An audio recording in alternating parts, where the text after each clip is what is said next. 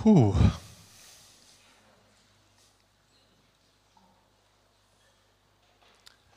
Jeg tror bare er der litt. At vi ønsker å gi deg plassen, Jesus. Vi ønsker å gi deg det rommet som eh, vi trenger for at du skal få krype inn her. Så jeg takker deg for dette rommet. Takker deg for alle som er her. Takk for tilbedelsen. Takk for at det åpner opp, Herre. Fantastisk åpning. Fantastisk pasning til å skåre målet. Denne lovsangen. Så takk til dere. Takk til deg, Gud. Jeg tenker at Kan ikke vi bare være litt stille og så kjenne etter var det noe som talte til deg gjennom lovsangen? Et ord, en setning, en lengsel. Tar vi to minutter nå og vi bare Du prøver å lande her nå. Ikke bry deg om den som sitter på høyre og venstre side. Bare vær her nå. Og så lar vi Gud minne deg. Gi han muligheten til å minne deg på noe som er viktig nå for deg i lovsangen. Vi tar et par minutter.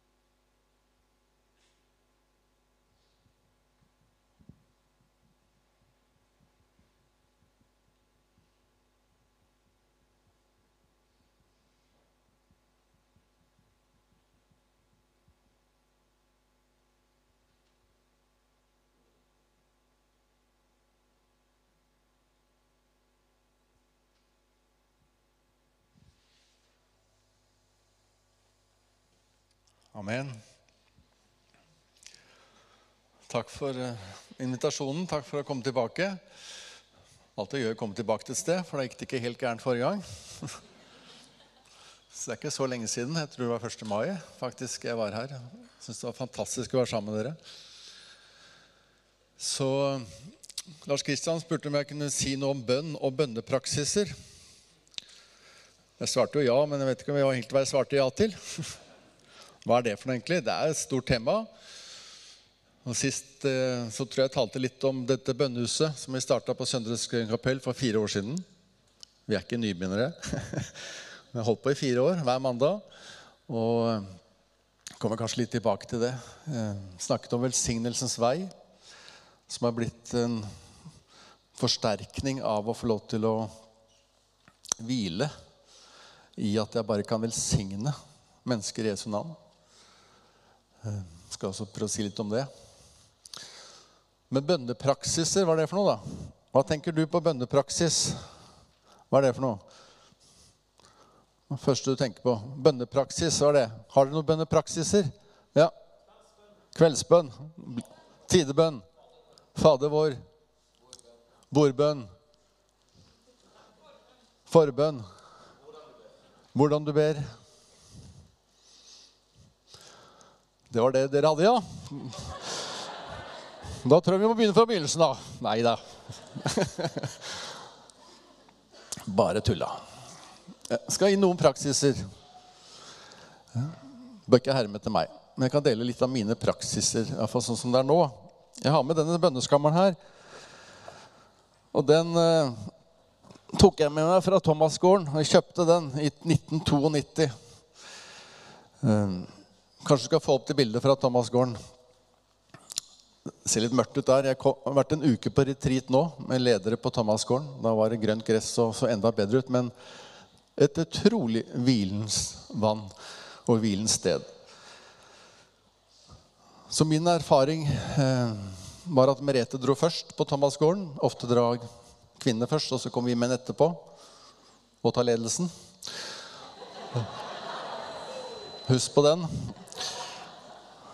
Og så hadde hun virkelig fått et fornya trosliv altså, etter å ha vært på fire dager på Thomasgården. Og tenkte at det vil jeg ha òg. Og Så kom jeg dit, og så var det helt fantastisk å bare komme til et sted hvor alt egentlig var lagt til rette for at jeg kan være sammen med Jesus. Jeg kunne bare være Eivind. Eh, de fleste er sånn, ikke heltause, kan prate litt til kaffe og litt innimellom, men det er egentlig at du går inn i stillheten. Sammen med Jesus. Tidebønner, måltider, god tid til tur. Jeg fikk det programmet. Jeg syntes det så så mye program. Oi, oi, oi.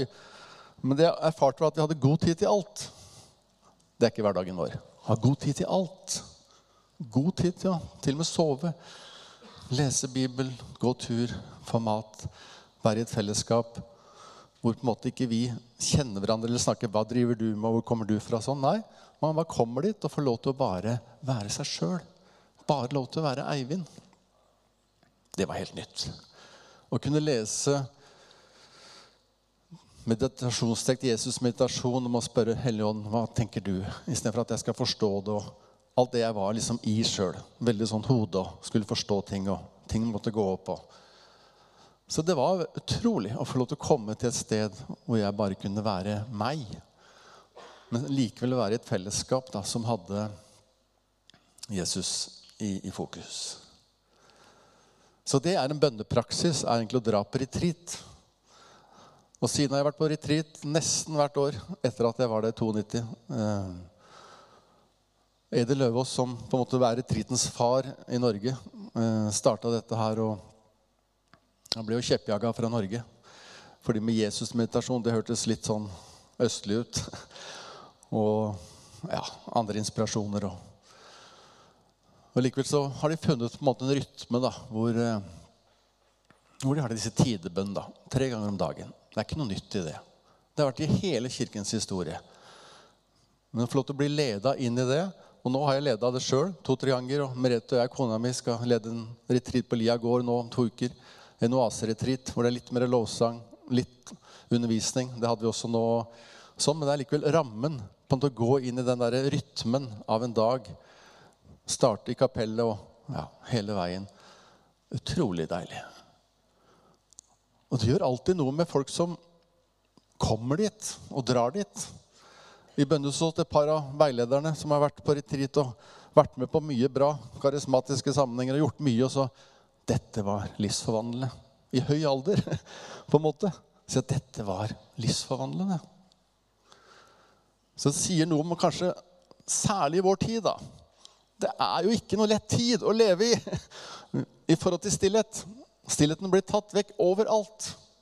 Thomas Sjødin har skrevet en bok om det. og Bare det fysisk stille steder i verden blir færre og færre.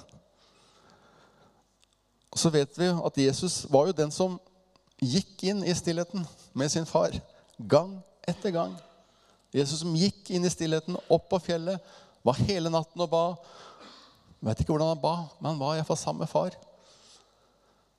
Og En gang Jesus var der, så kommer han ned. Så står det at han underviser på tempelplassen. Og så kommer de med hun kvinnen som har grepet ekteskapsbrudd. Og så møter Jesus henne på en sånn måte som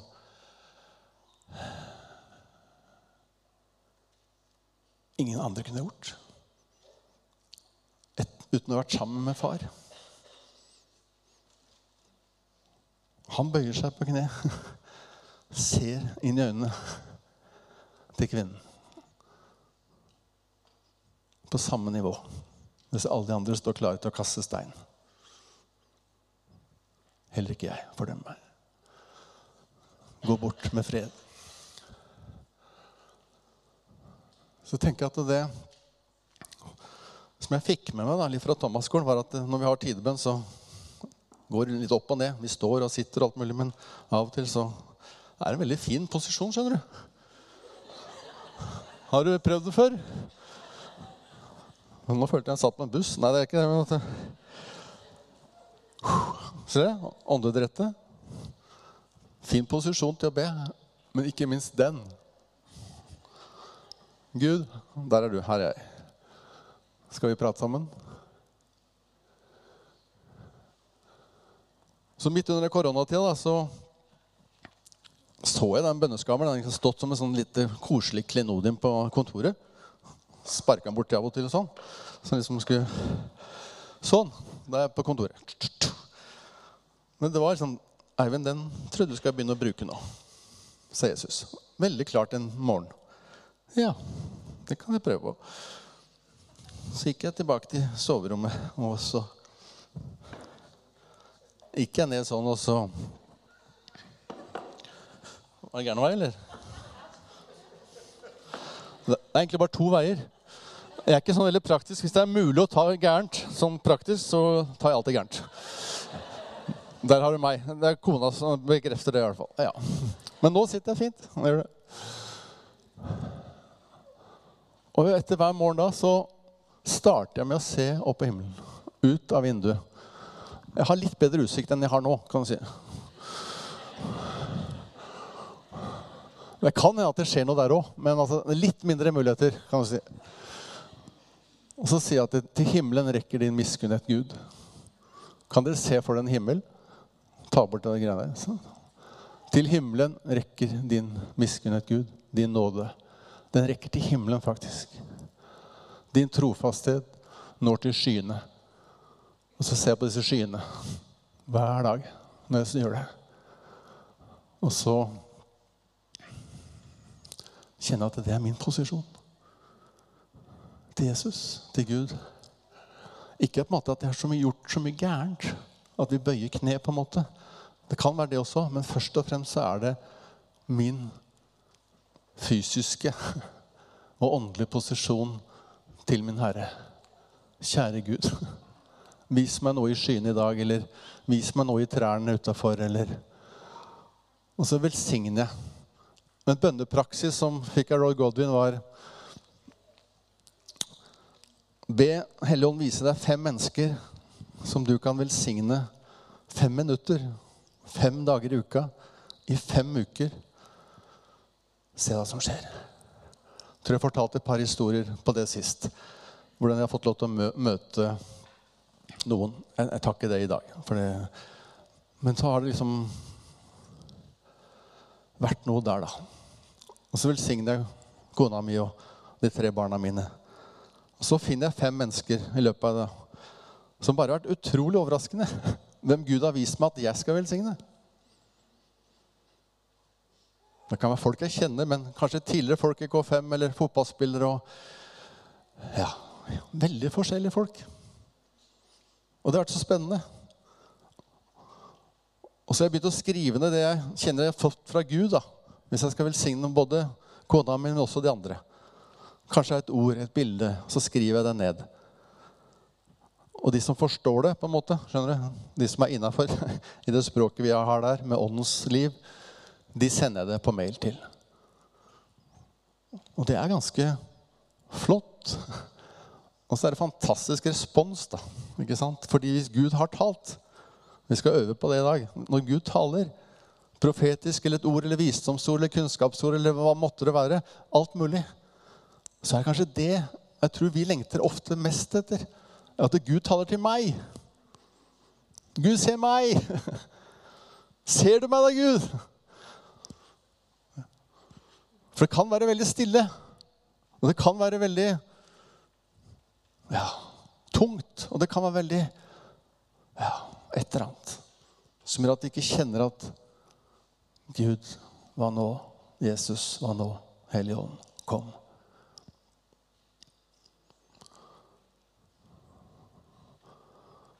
Og den andre praksisen da, som jeg begynte med, også som en inspirasjon fra den boka 'Velsignelsens vei'.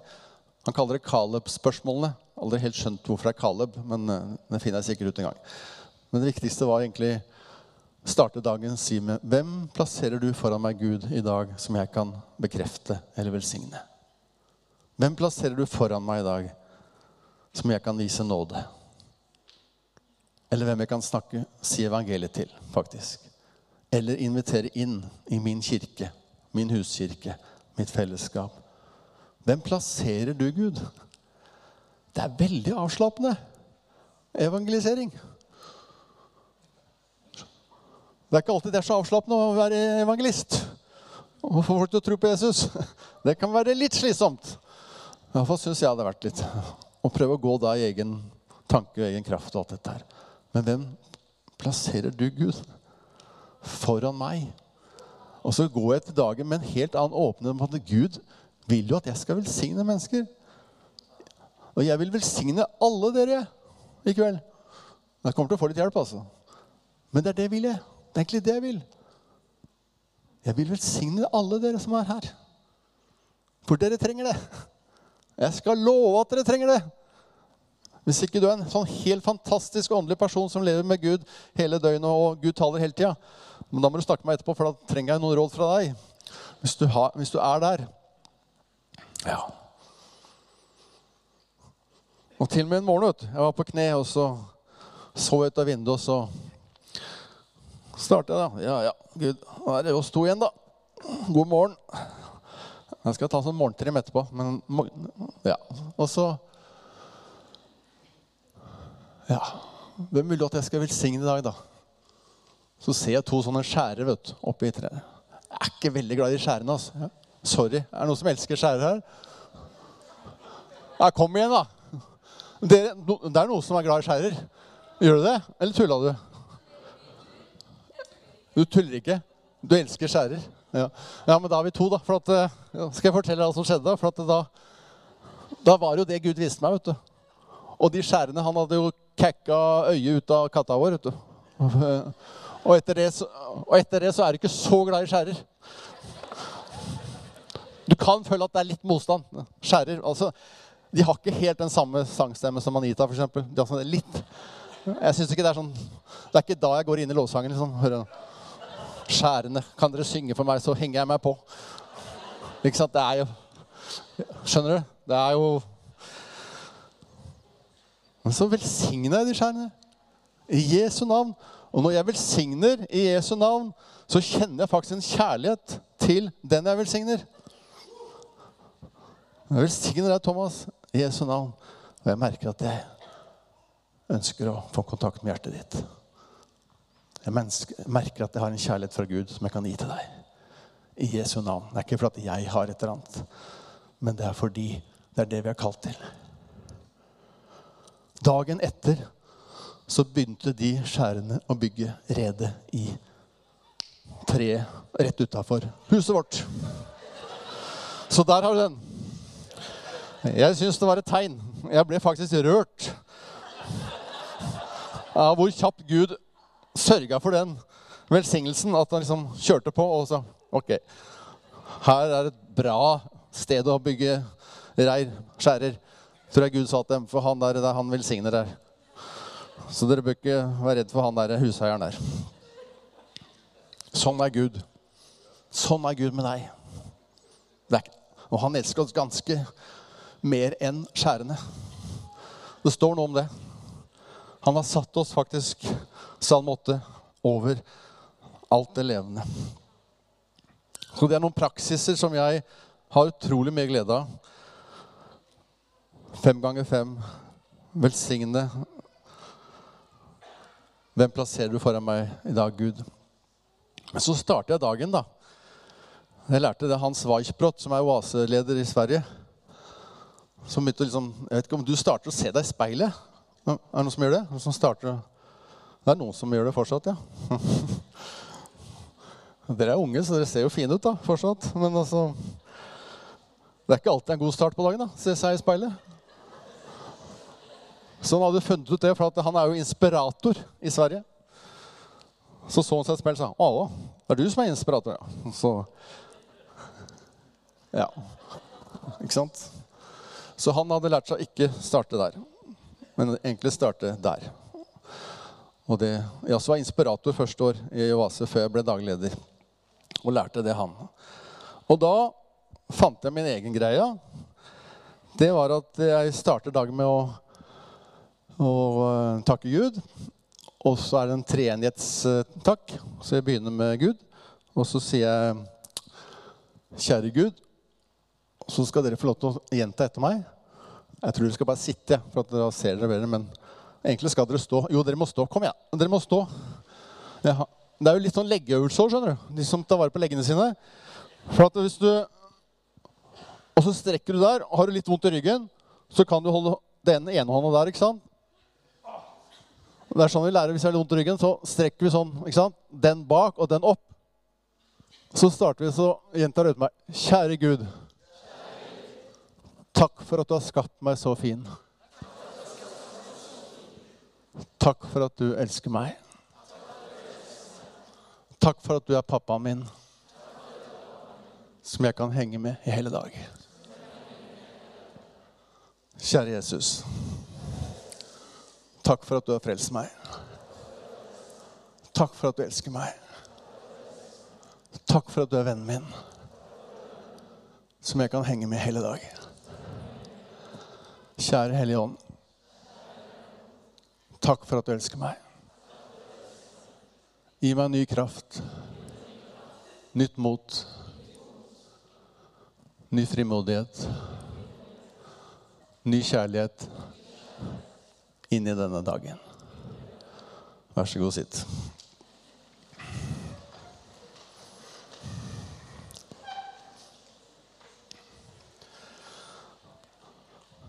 For meg er det en god start på dagen.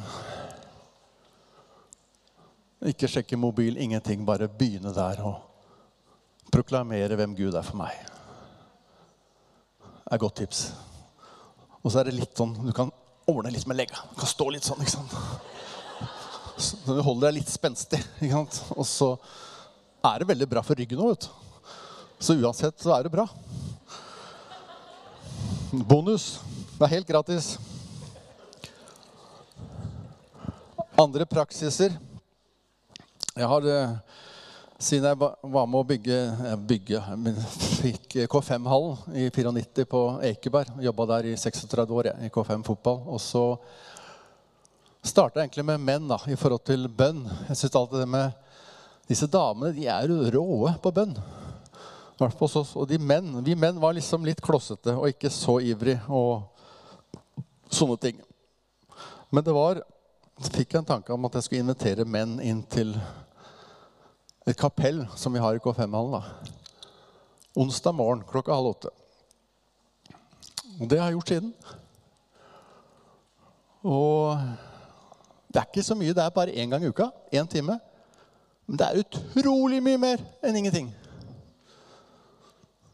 Én time. Klart du skal gå opp om morgenen, du skal ut, og alt slags vær og alt sånt, Så det er en greie å komme seg dit. Men det har vært utrolig viktig for meg og for andre menn. Nå har vi det på telefon, to stykker. Nå er vi tre stykker som gjør det stort sett hver onsdag. Bare dele liv og dele troen og be for hverandre. Det er ikke bare til menn, men det er kanskje mest til menn. Og jeg merker det at eh, Jeg snakka med en annen også som fikk dette i forhold til menn og bønn. For at det, ja, en ting er at jeg føler alltid Merete og damene har vært mye bedre og mye mer inderlige og mye mer foran i bønn. Og jeg har liksom hengt på har egentlig ikke klart å henge på. Jeg vet ikke om du har vært der noen gang. Men uh, det er ikke så lett å be sammen. altså. Hvis noen er sånn skikkelig gode på bønn, og så er ikke jeg det. Hva skal vi gjøre for noe da? Jeg husker Før så var det sånn at vi skulle begynne å be om at han der som ikke har bedt høyt, han skulle begynne å be høyt. Åssen bønn er det, da? Kommer du til himmelen da hvis du ber høyt? Eller blir Gud mer glad i deg hvis du ber høyt? Jeg kan skjønne poenget, men det er jo Ja. Så jeg syns det var litt sånn stress og press med den bønnen nå. Ja. Jeg fortalte hvordan jeg starta bønnehus. Kan ikke begynne med det nå. Men i hvert fall så var det det med menn da, og i forhold til damer. Og i år så hadde vi eller hadde jeg mannsseminar på Oase. Det er første gang på 40 år. Eller, eller siden nå, første gang. Det har vært kvinner i nettverk mye og litt sånn. Og det var en utrolig respons, altså. Å få lov til å Ja. Og så har det vært sånn det har vært på Vase der du bor, som heter vært ute og reist i Melhus og Molde. Mannsseminar der og mannsseminar. Og så er det noe Gud har lagt på meg, tror jeg. Så det at vi tre menn ber, da, det har vært en praksis for meg. Pluss at jeg har en guttegruppe som jeg har hatt to ledere fra K5 som, jeg, som vi møtes et par ganger i året. Hvor vi egentlig ja, egentlig det som var temaet på det eh, seminaret i sommer, var er Den hellige ånd mest for damer. Hør nå, nå ler alle damene, ikke sant? Mens menn vi sånn Er, er det sånn? Den likte vi ikke. Det, det likte vi ikke så godt. Jo, det. jeg har jo en hellig ånd, jeg. Ja da, det har du. Så, men det er likevel noe med det, da. Jeg tror vi menn trenger litt annen måte å møtes på noen ganger. Og litt annen greie da, i forhold til å kunne gjøre det. Men når vi møttes, så ble vi enige om ting. Hva er egentlig vi skal møtes om? En ting er at vi skulle liksom mat og drikke og vi skulle spille Monopol og føre statistikker og kake klokka tolv. Vi hadde en sånn litt regler. vet du. Det er litt lettere for menn å komme da hvis du har litt regler. Ikke bare gå til sånn samtale og bønn og sånn. Det blir litt, for, det er litt slappe rammer. I hvert fall for noen av oss. Og så ble vi enige hva er vi, hva er det egentlig vi skal snakke om, vi tre, når vi kommer sammen? Jo, det var samliv. Sex, samliv. Og så var det fotball. Det var ikke så vanskelig å snakke om. Og så var det Gud. Så de to andre tingene, det var liksom Vi kommer sammen, vet du. Gutta og snakker, med, snakker fotball og snakker jobb. Og, vi snakker ikke om Gud ofte. Men det er kanskje det vi helst vil. Snakke om troa vår. Ha noen vi kan liksom sparre med, ha noen som vi kan snakke med. Hva som egentlig er på hjertet mitt. Hvordan det egentlig står til. Det er jo det jeg trenger. Jeg trenger ikke den derre fotballpraten alltid. Og jobbepraten. Nei. Men jeg trenger menn. Jeg trenger noen venner. Eh, så det har vært en praksis for meg på en måte å sette av den der timen onsdag halv åtte til halv ni som en del av min rytme. Og så et lite bilde av et annet vann som jeg går til. Jeg prøver Jeg fikk iallfall til dette smalvann. Egentlig har jeg ikke lyst til å si hvor det ligger, for jeg har lyst til å være aleine hver gang jeg kommer. Så hvis jeg møter deg der på torsdag, så er det ikke det jeg egentlig ønsker. For jeg vil ha det der vannet aleine. Nei da, bare tuller. Det er god plass der. Det går fint. Det er mitt vann i Østmarka. Rett nedenfor Østmarkskapellet. Ikke det rundvann som dere kommer til før Østmarkskapellet, der alle er. Men der er ikke mange, skjønner du. Det er veldig stille der. Det er veldig stille. Veldig stille. Og det er fint. Og der har vi et annet bilde som handler egentlig om når vannet blir helt stille. Så ser du yttersida. Det ser du alltid. Skyene oppå der sånn. Men da ser du det som går ned det som er innafor vårt indre liv, et integrert liv, det er deilig å ha. Det kan Gud gi oss. Det betyr at det, det ikke er så stor avstand mellom en jeg er, og dere ser hvem jeg er, og hva jeg driver med, og hva jeg jobber med, og hva jeg får til. Men Eivind, når ikke du ser meg Når jeg kommer aleine, da er det bare Gud som ser meg. jo. Og hvis det var noe jeg skulle begynt med litt tidligere, er å være ærlig. Det har vært min greie. Jeg har ikke helt turt å si hva jeg tenker og føler i ekteskapet til barna mine, til treneren min, til faren min. Jeg har ikke helt turt det. For jeg var redd for reaksjonen. Jeg var redd for at far var litt streng. Og jeg syns Gud var litt streng. For pappa var litt streng. Fantastisk pappa. Var ikke det? Men han var litt streng. Så jeg var redd Gud som barn og tenåring oppetter. Og hvis du er litt redd sånn, så er det lett å trekke seg. Ikke gjør noe gærent. Ikke si noe gærent. Og da er jeg ikke ærlig med hvem jeg er, hva jeg tenker, hva jeg føler. For det tåler i hvert fall Gud. Og så får menneskene tåle som de vil. For jeg trenger å være ærlig. Jeg trenger å være helt dønn ærlig. For det er da jeg kan få det fra Gud og dere, som er mine venner. Det er da det sitter for livet. Når vi kan være helt dønn ærlige. Når vi hadde denne guttegruppa, og begge to kom i skilsmisse og Den ene var, om ikke suicidal, så var han iallfall helt nede. Og hadde ikke vært for den gruppa, så vet jeg ikke hva som hadde skjedd. Vi trenger venner, og vi trenger noe som er ærlige. Og et sted hvor jeg kan være meg sjøl.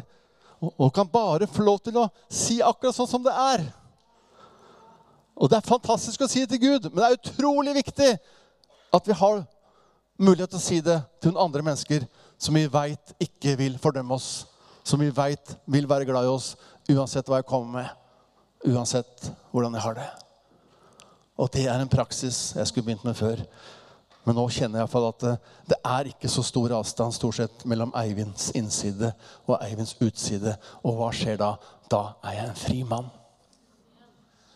Det er da Jesus setter oss fri også. Gjennom kors og synd og tilgivelse og det. Men også i vår medmenneskelige kommunikasjon og det sosiale livet og vennelivet og familielivet. Som er egentlig akkurat den samme greia. Og Jesus tåler alt. Og Derfor er jeg glad i Salmes bok, hvor det kommer så mye greier rett fra hjertet. Spesielt fra David. Så det er noen praksiser. En praksis til skal vi få opp Ada, barnebarn. Et år sia, sommer, fylte jeg 60 år. Nei, jeg hører, Er du så gammel, da? ser jo litt Nei, det er bare tull. Jeg er det, altså. Jeg ser det blir litt grått der. Skulle feire 60-årsdag på kvelden der. Og så skulle kona mi og Ada sammen lage eplekake, eller eplepai. Og så fikk ikke hun være med på selskapet, selvfølgelig, for hun måtte sove. Så hun skulle spise den, den eplekaka sammen med bare bestefar på morgenen etterpå. Så det var det ene. Og så gikk vi på tur. Og så begynner Ada det jeg kaller bønnesynge. Jeg har begynt med det. Jeg skal si litt mer hva det er for meg. Og så begynner hun bare Guds kjærlighet, pai, bestefar, nye krefter. Guds kjærlighet, pai, bestefar, nye krefter. Jeg er ikke ferdig ennå, altså. Guds kjærlighet, pai, bestefar, nye krefter. Du, du. Og hvis du syns ofte at lovsangen sånn kan være litt repetitiv sånn, litt mye sånn Jeg tror hun sang det 60 ganger. Og jeg ble jo ikke lei. Jeg ville ikke at hun skulle slutte. Det var helt fantastisk. Med tre år. Guds kjærlighet hadde jeg fått tak i. Den paien var viktig, altså. Det er det som er i huet på henne. Også være bestefar. Blir litt rørt av det, da. Bursdag til bestefar, liksom. Nye krefter. Hvor kom det fra, liksom?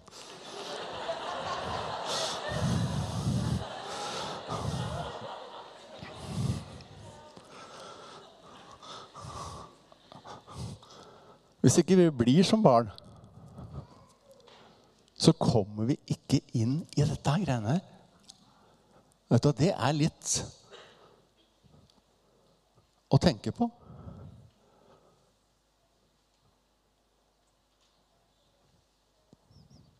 Og jeg tror bønn for meg mer og mer er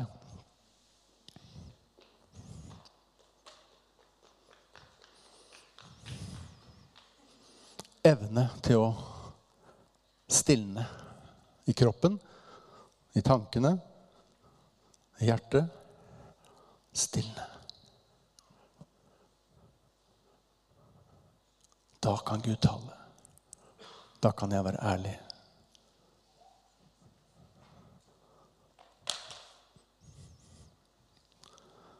Barnlig synge til Gud, be til Gud. Ikke bruk mange ord, står det i Bibelen, sier Jesus. Så jeg begynte å liksom kanskje gå Jeg husker jeg gikk over Ekebergsletta og kanskje sang på en lovsang, eller hadde lest Salme 46 på morgenen. Og så kom det bare en sånn sang hvor det står at uh, Gud er vår tilflukt, Gud er vår styrke, en hjelp i nøden og alltid nær.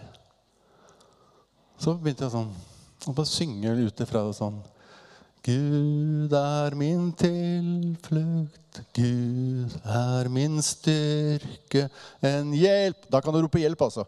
Altså en hjelp! Altså, da kan du be om hjelp. Akkurat når du synger det nå, så kan du be om hva du ønsker Gud skal hjelpe deg med. Du må ikke gjøre det, men det er en mulighet. Og så er han alltid nær. Så kan vi synge ned litt, og så bare Det er ett, ett vers med fire ting. Salme 46 igjen. Gud er min tilflukt. Gud er min styrke, en hjelp i nøden og alltid nær. Gud er min tilflukt, Gud er min styrke, en hjelp i nøden og alltid nær. Gud er min tilflukt, Gud er min styrke, en hjelp i nøden og alltid nær. Eller en venn i nøden. Eller kan du lage egne ord? For meg har det vært sånn ah, litt deilig å få lov til å skape. Det må ikke alltid være en sang, men ut ifra kanskje en bønn eller lovsang eller et ord. Å være fri da, til å snakke med Jesus, som er min venn. Hver gang jeg leser Johannes 15, så blir jeg på en måte sånn betatt av det. Jeg kaller det ikke lenger tjenere, jeg kaller det for venner. Han er venn, altså. Han er venn. Skikkelig venn. Som aldri svikter. Som alltid vil være med oss på det. Ja, Så det var en annen praksis. Men nå skal vi praktisere litt. Vi sitter utrolig mye i kirka. Så er det noen som driver oppe her med litt lovsang og litt bønn og litt taler og litt greier. ikke sant? Men det iallfall vi har opp, opplevd og erfart disse fire årene på bønnehuset, det, er at folk endelig har kommet ut i sine nådegaver. Endelig har fått lov til å bli aktivisert.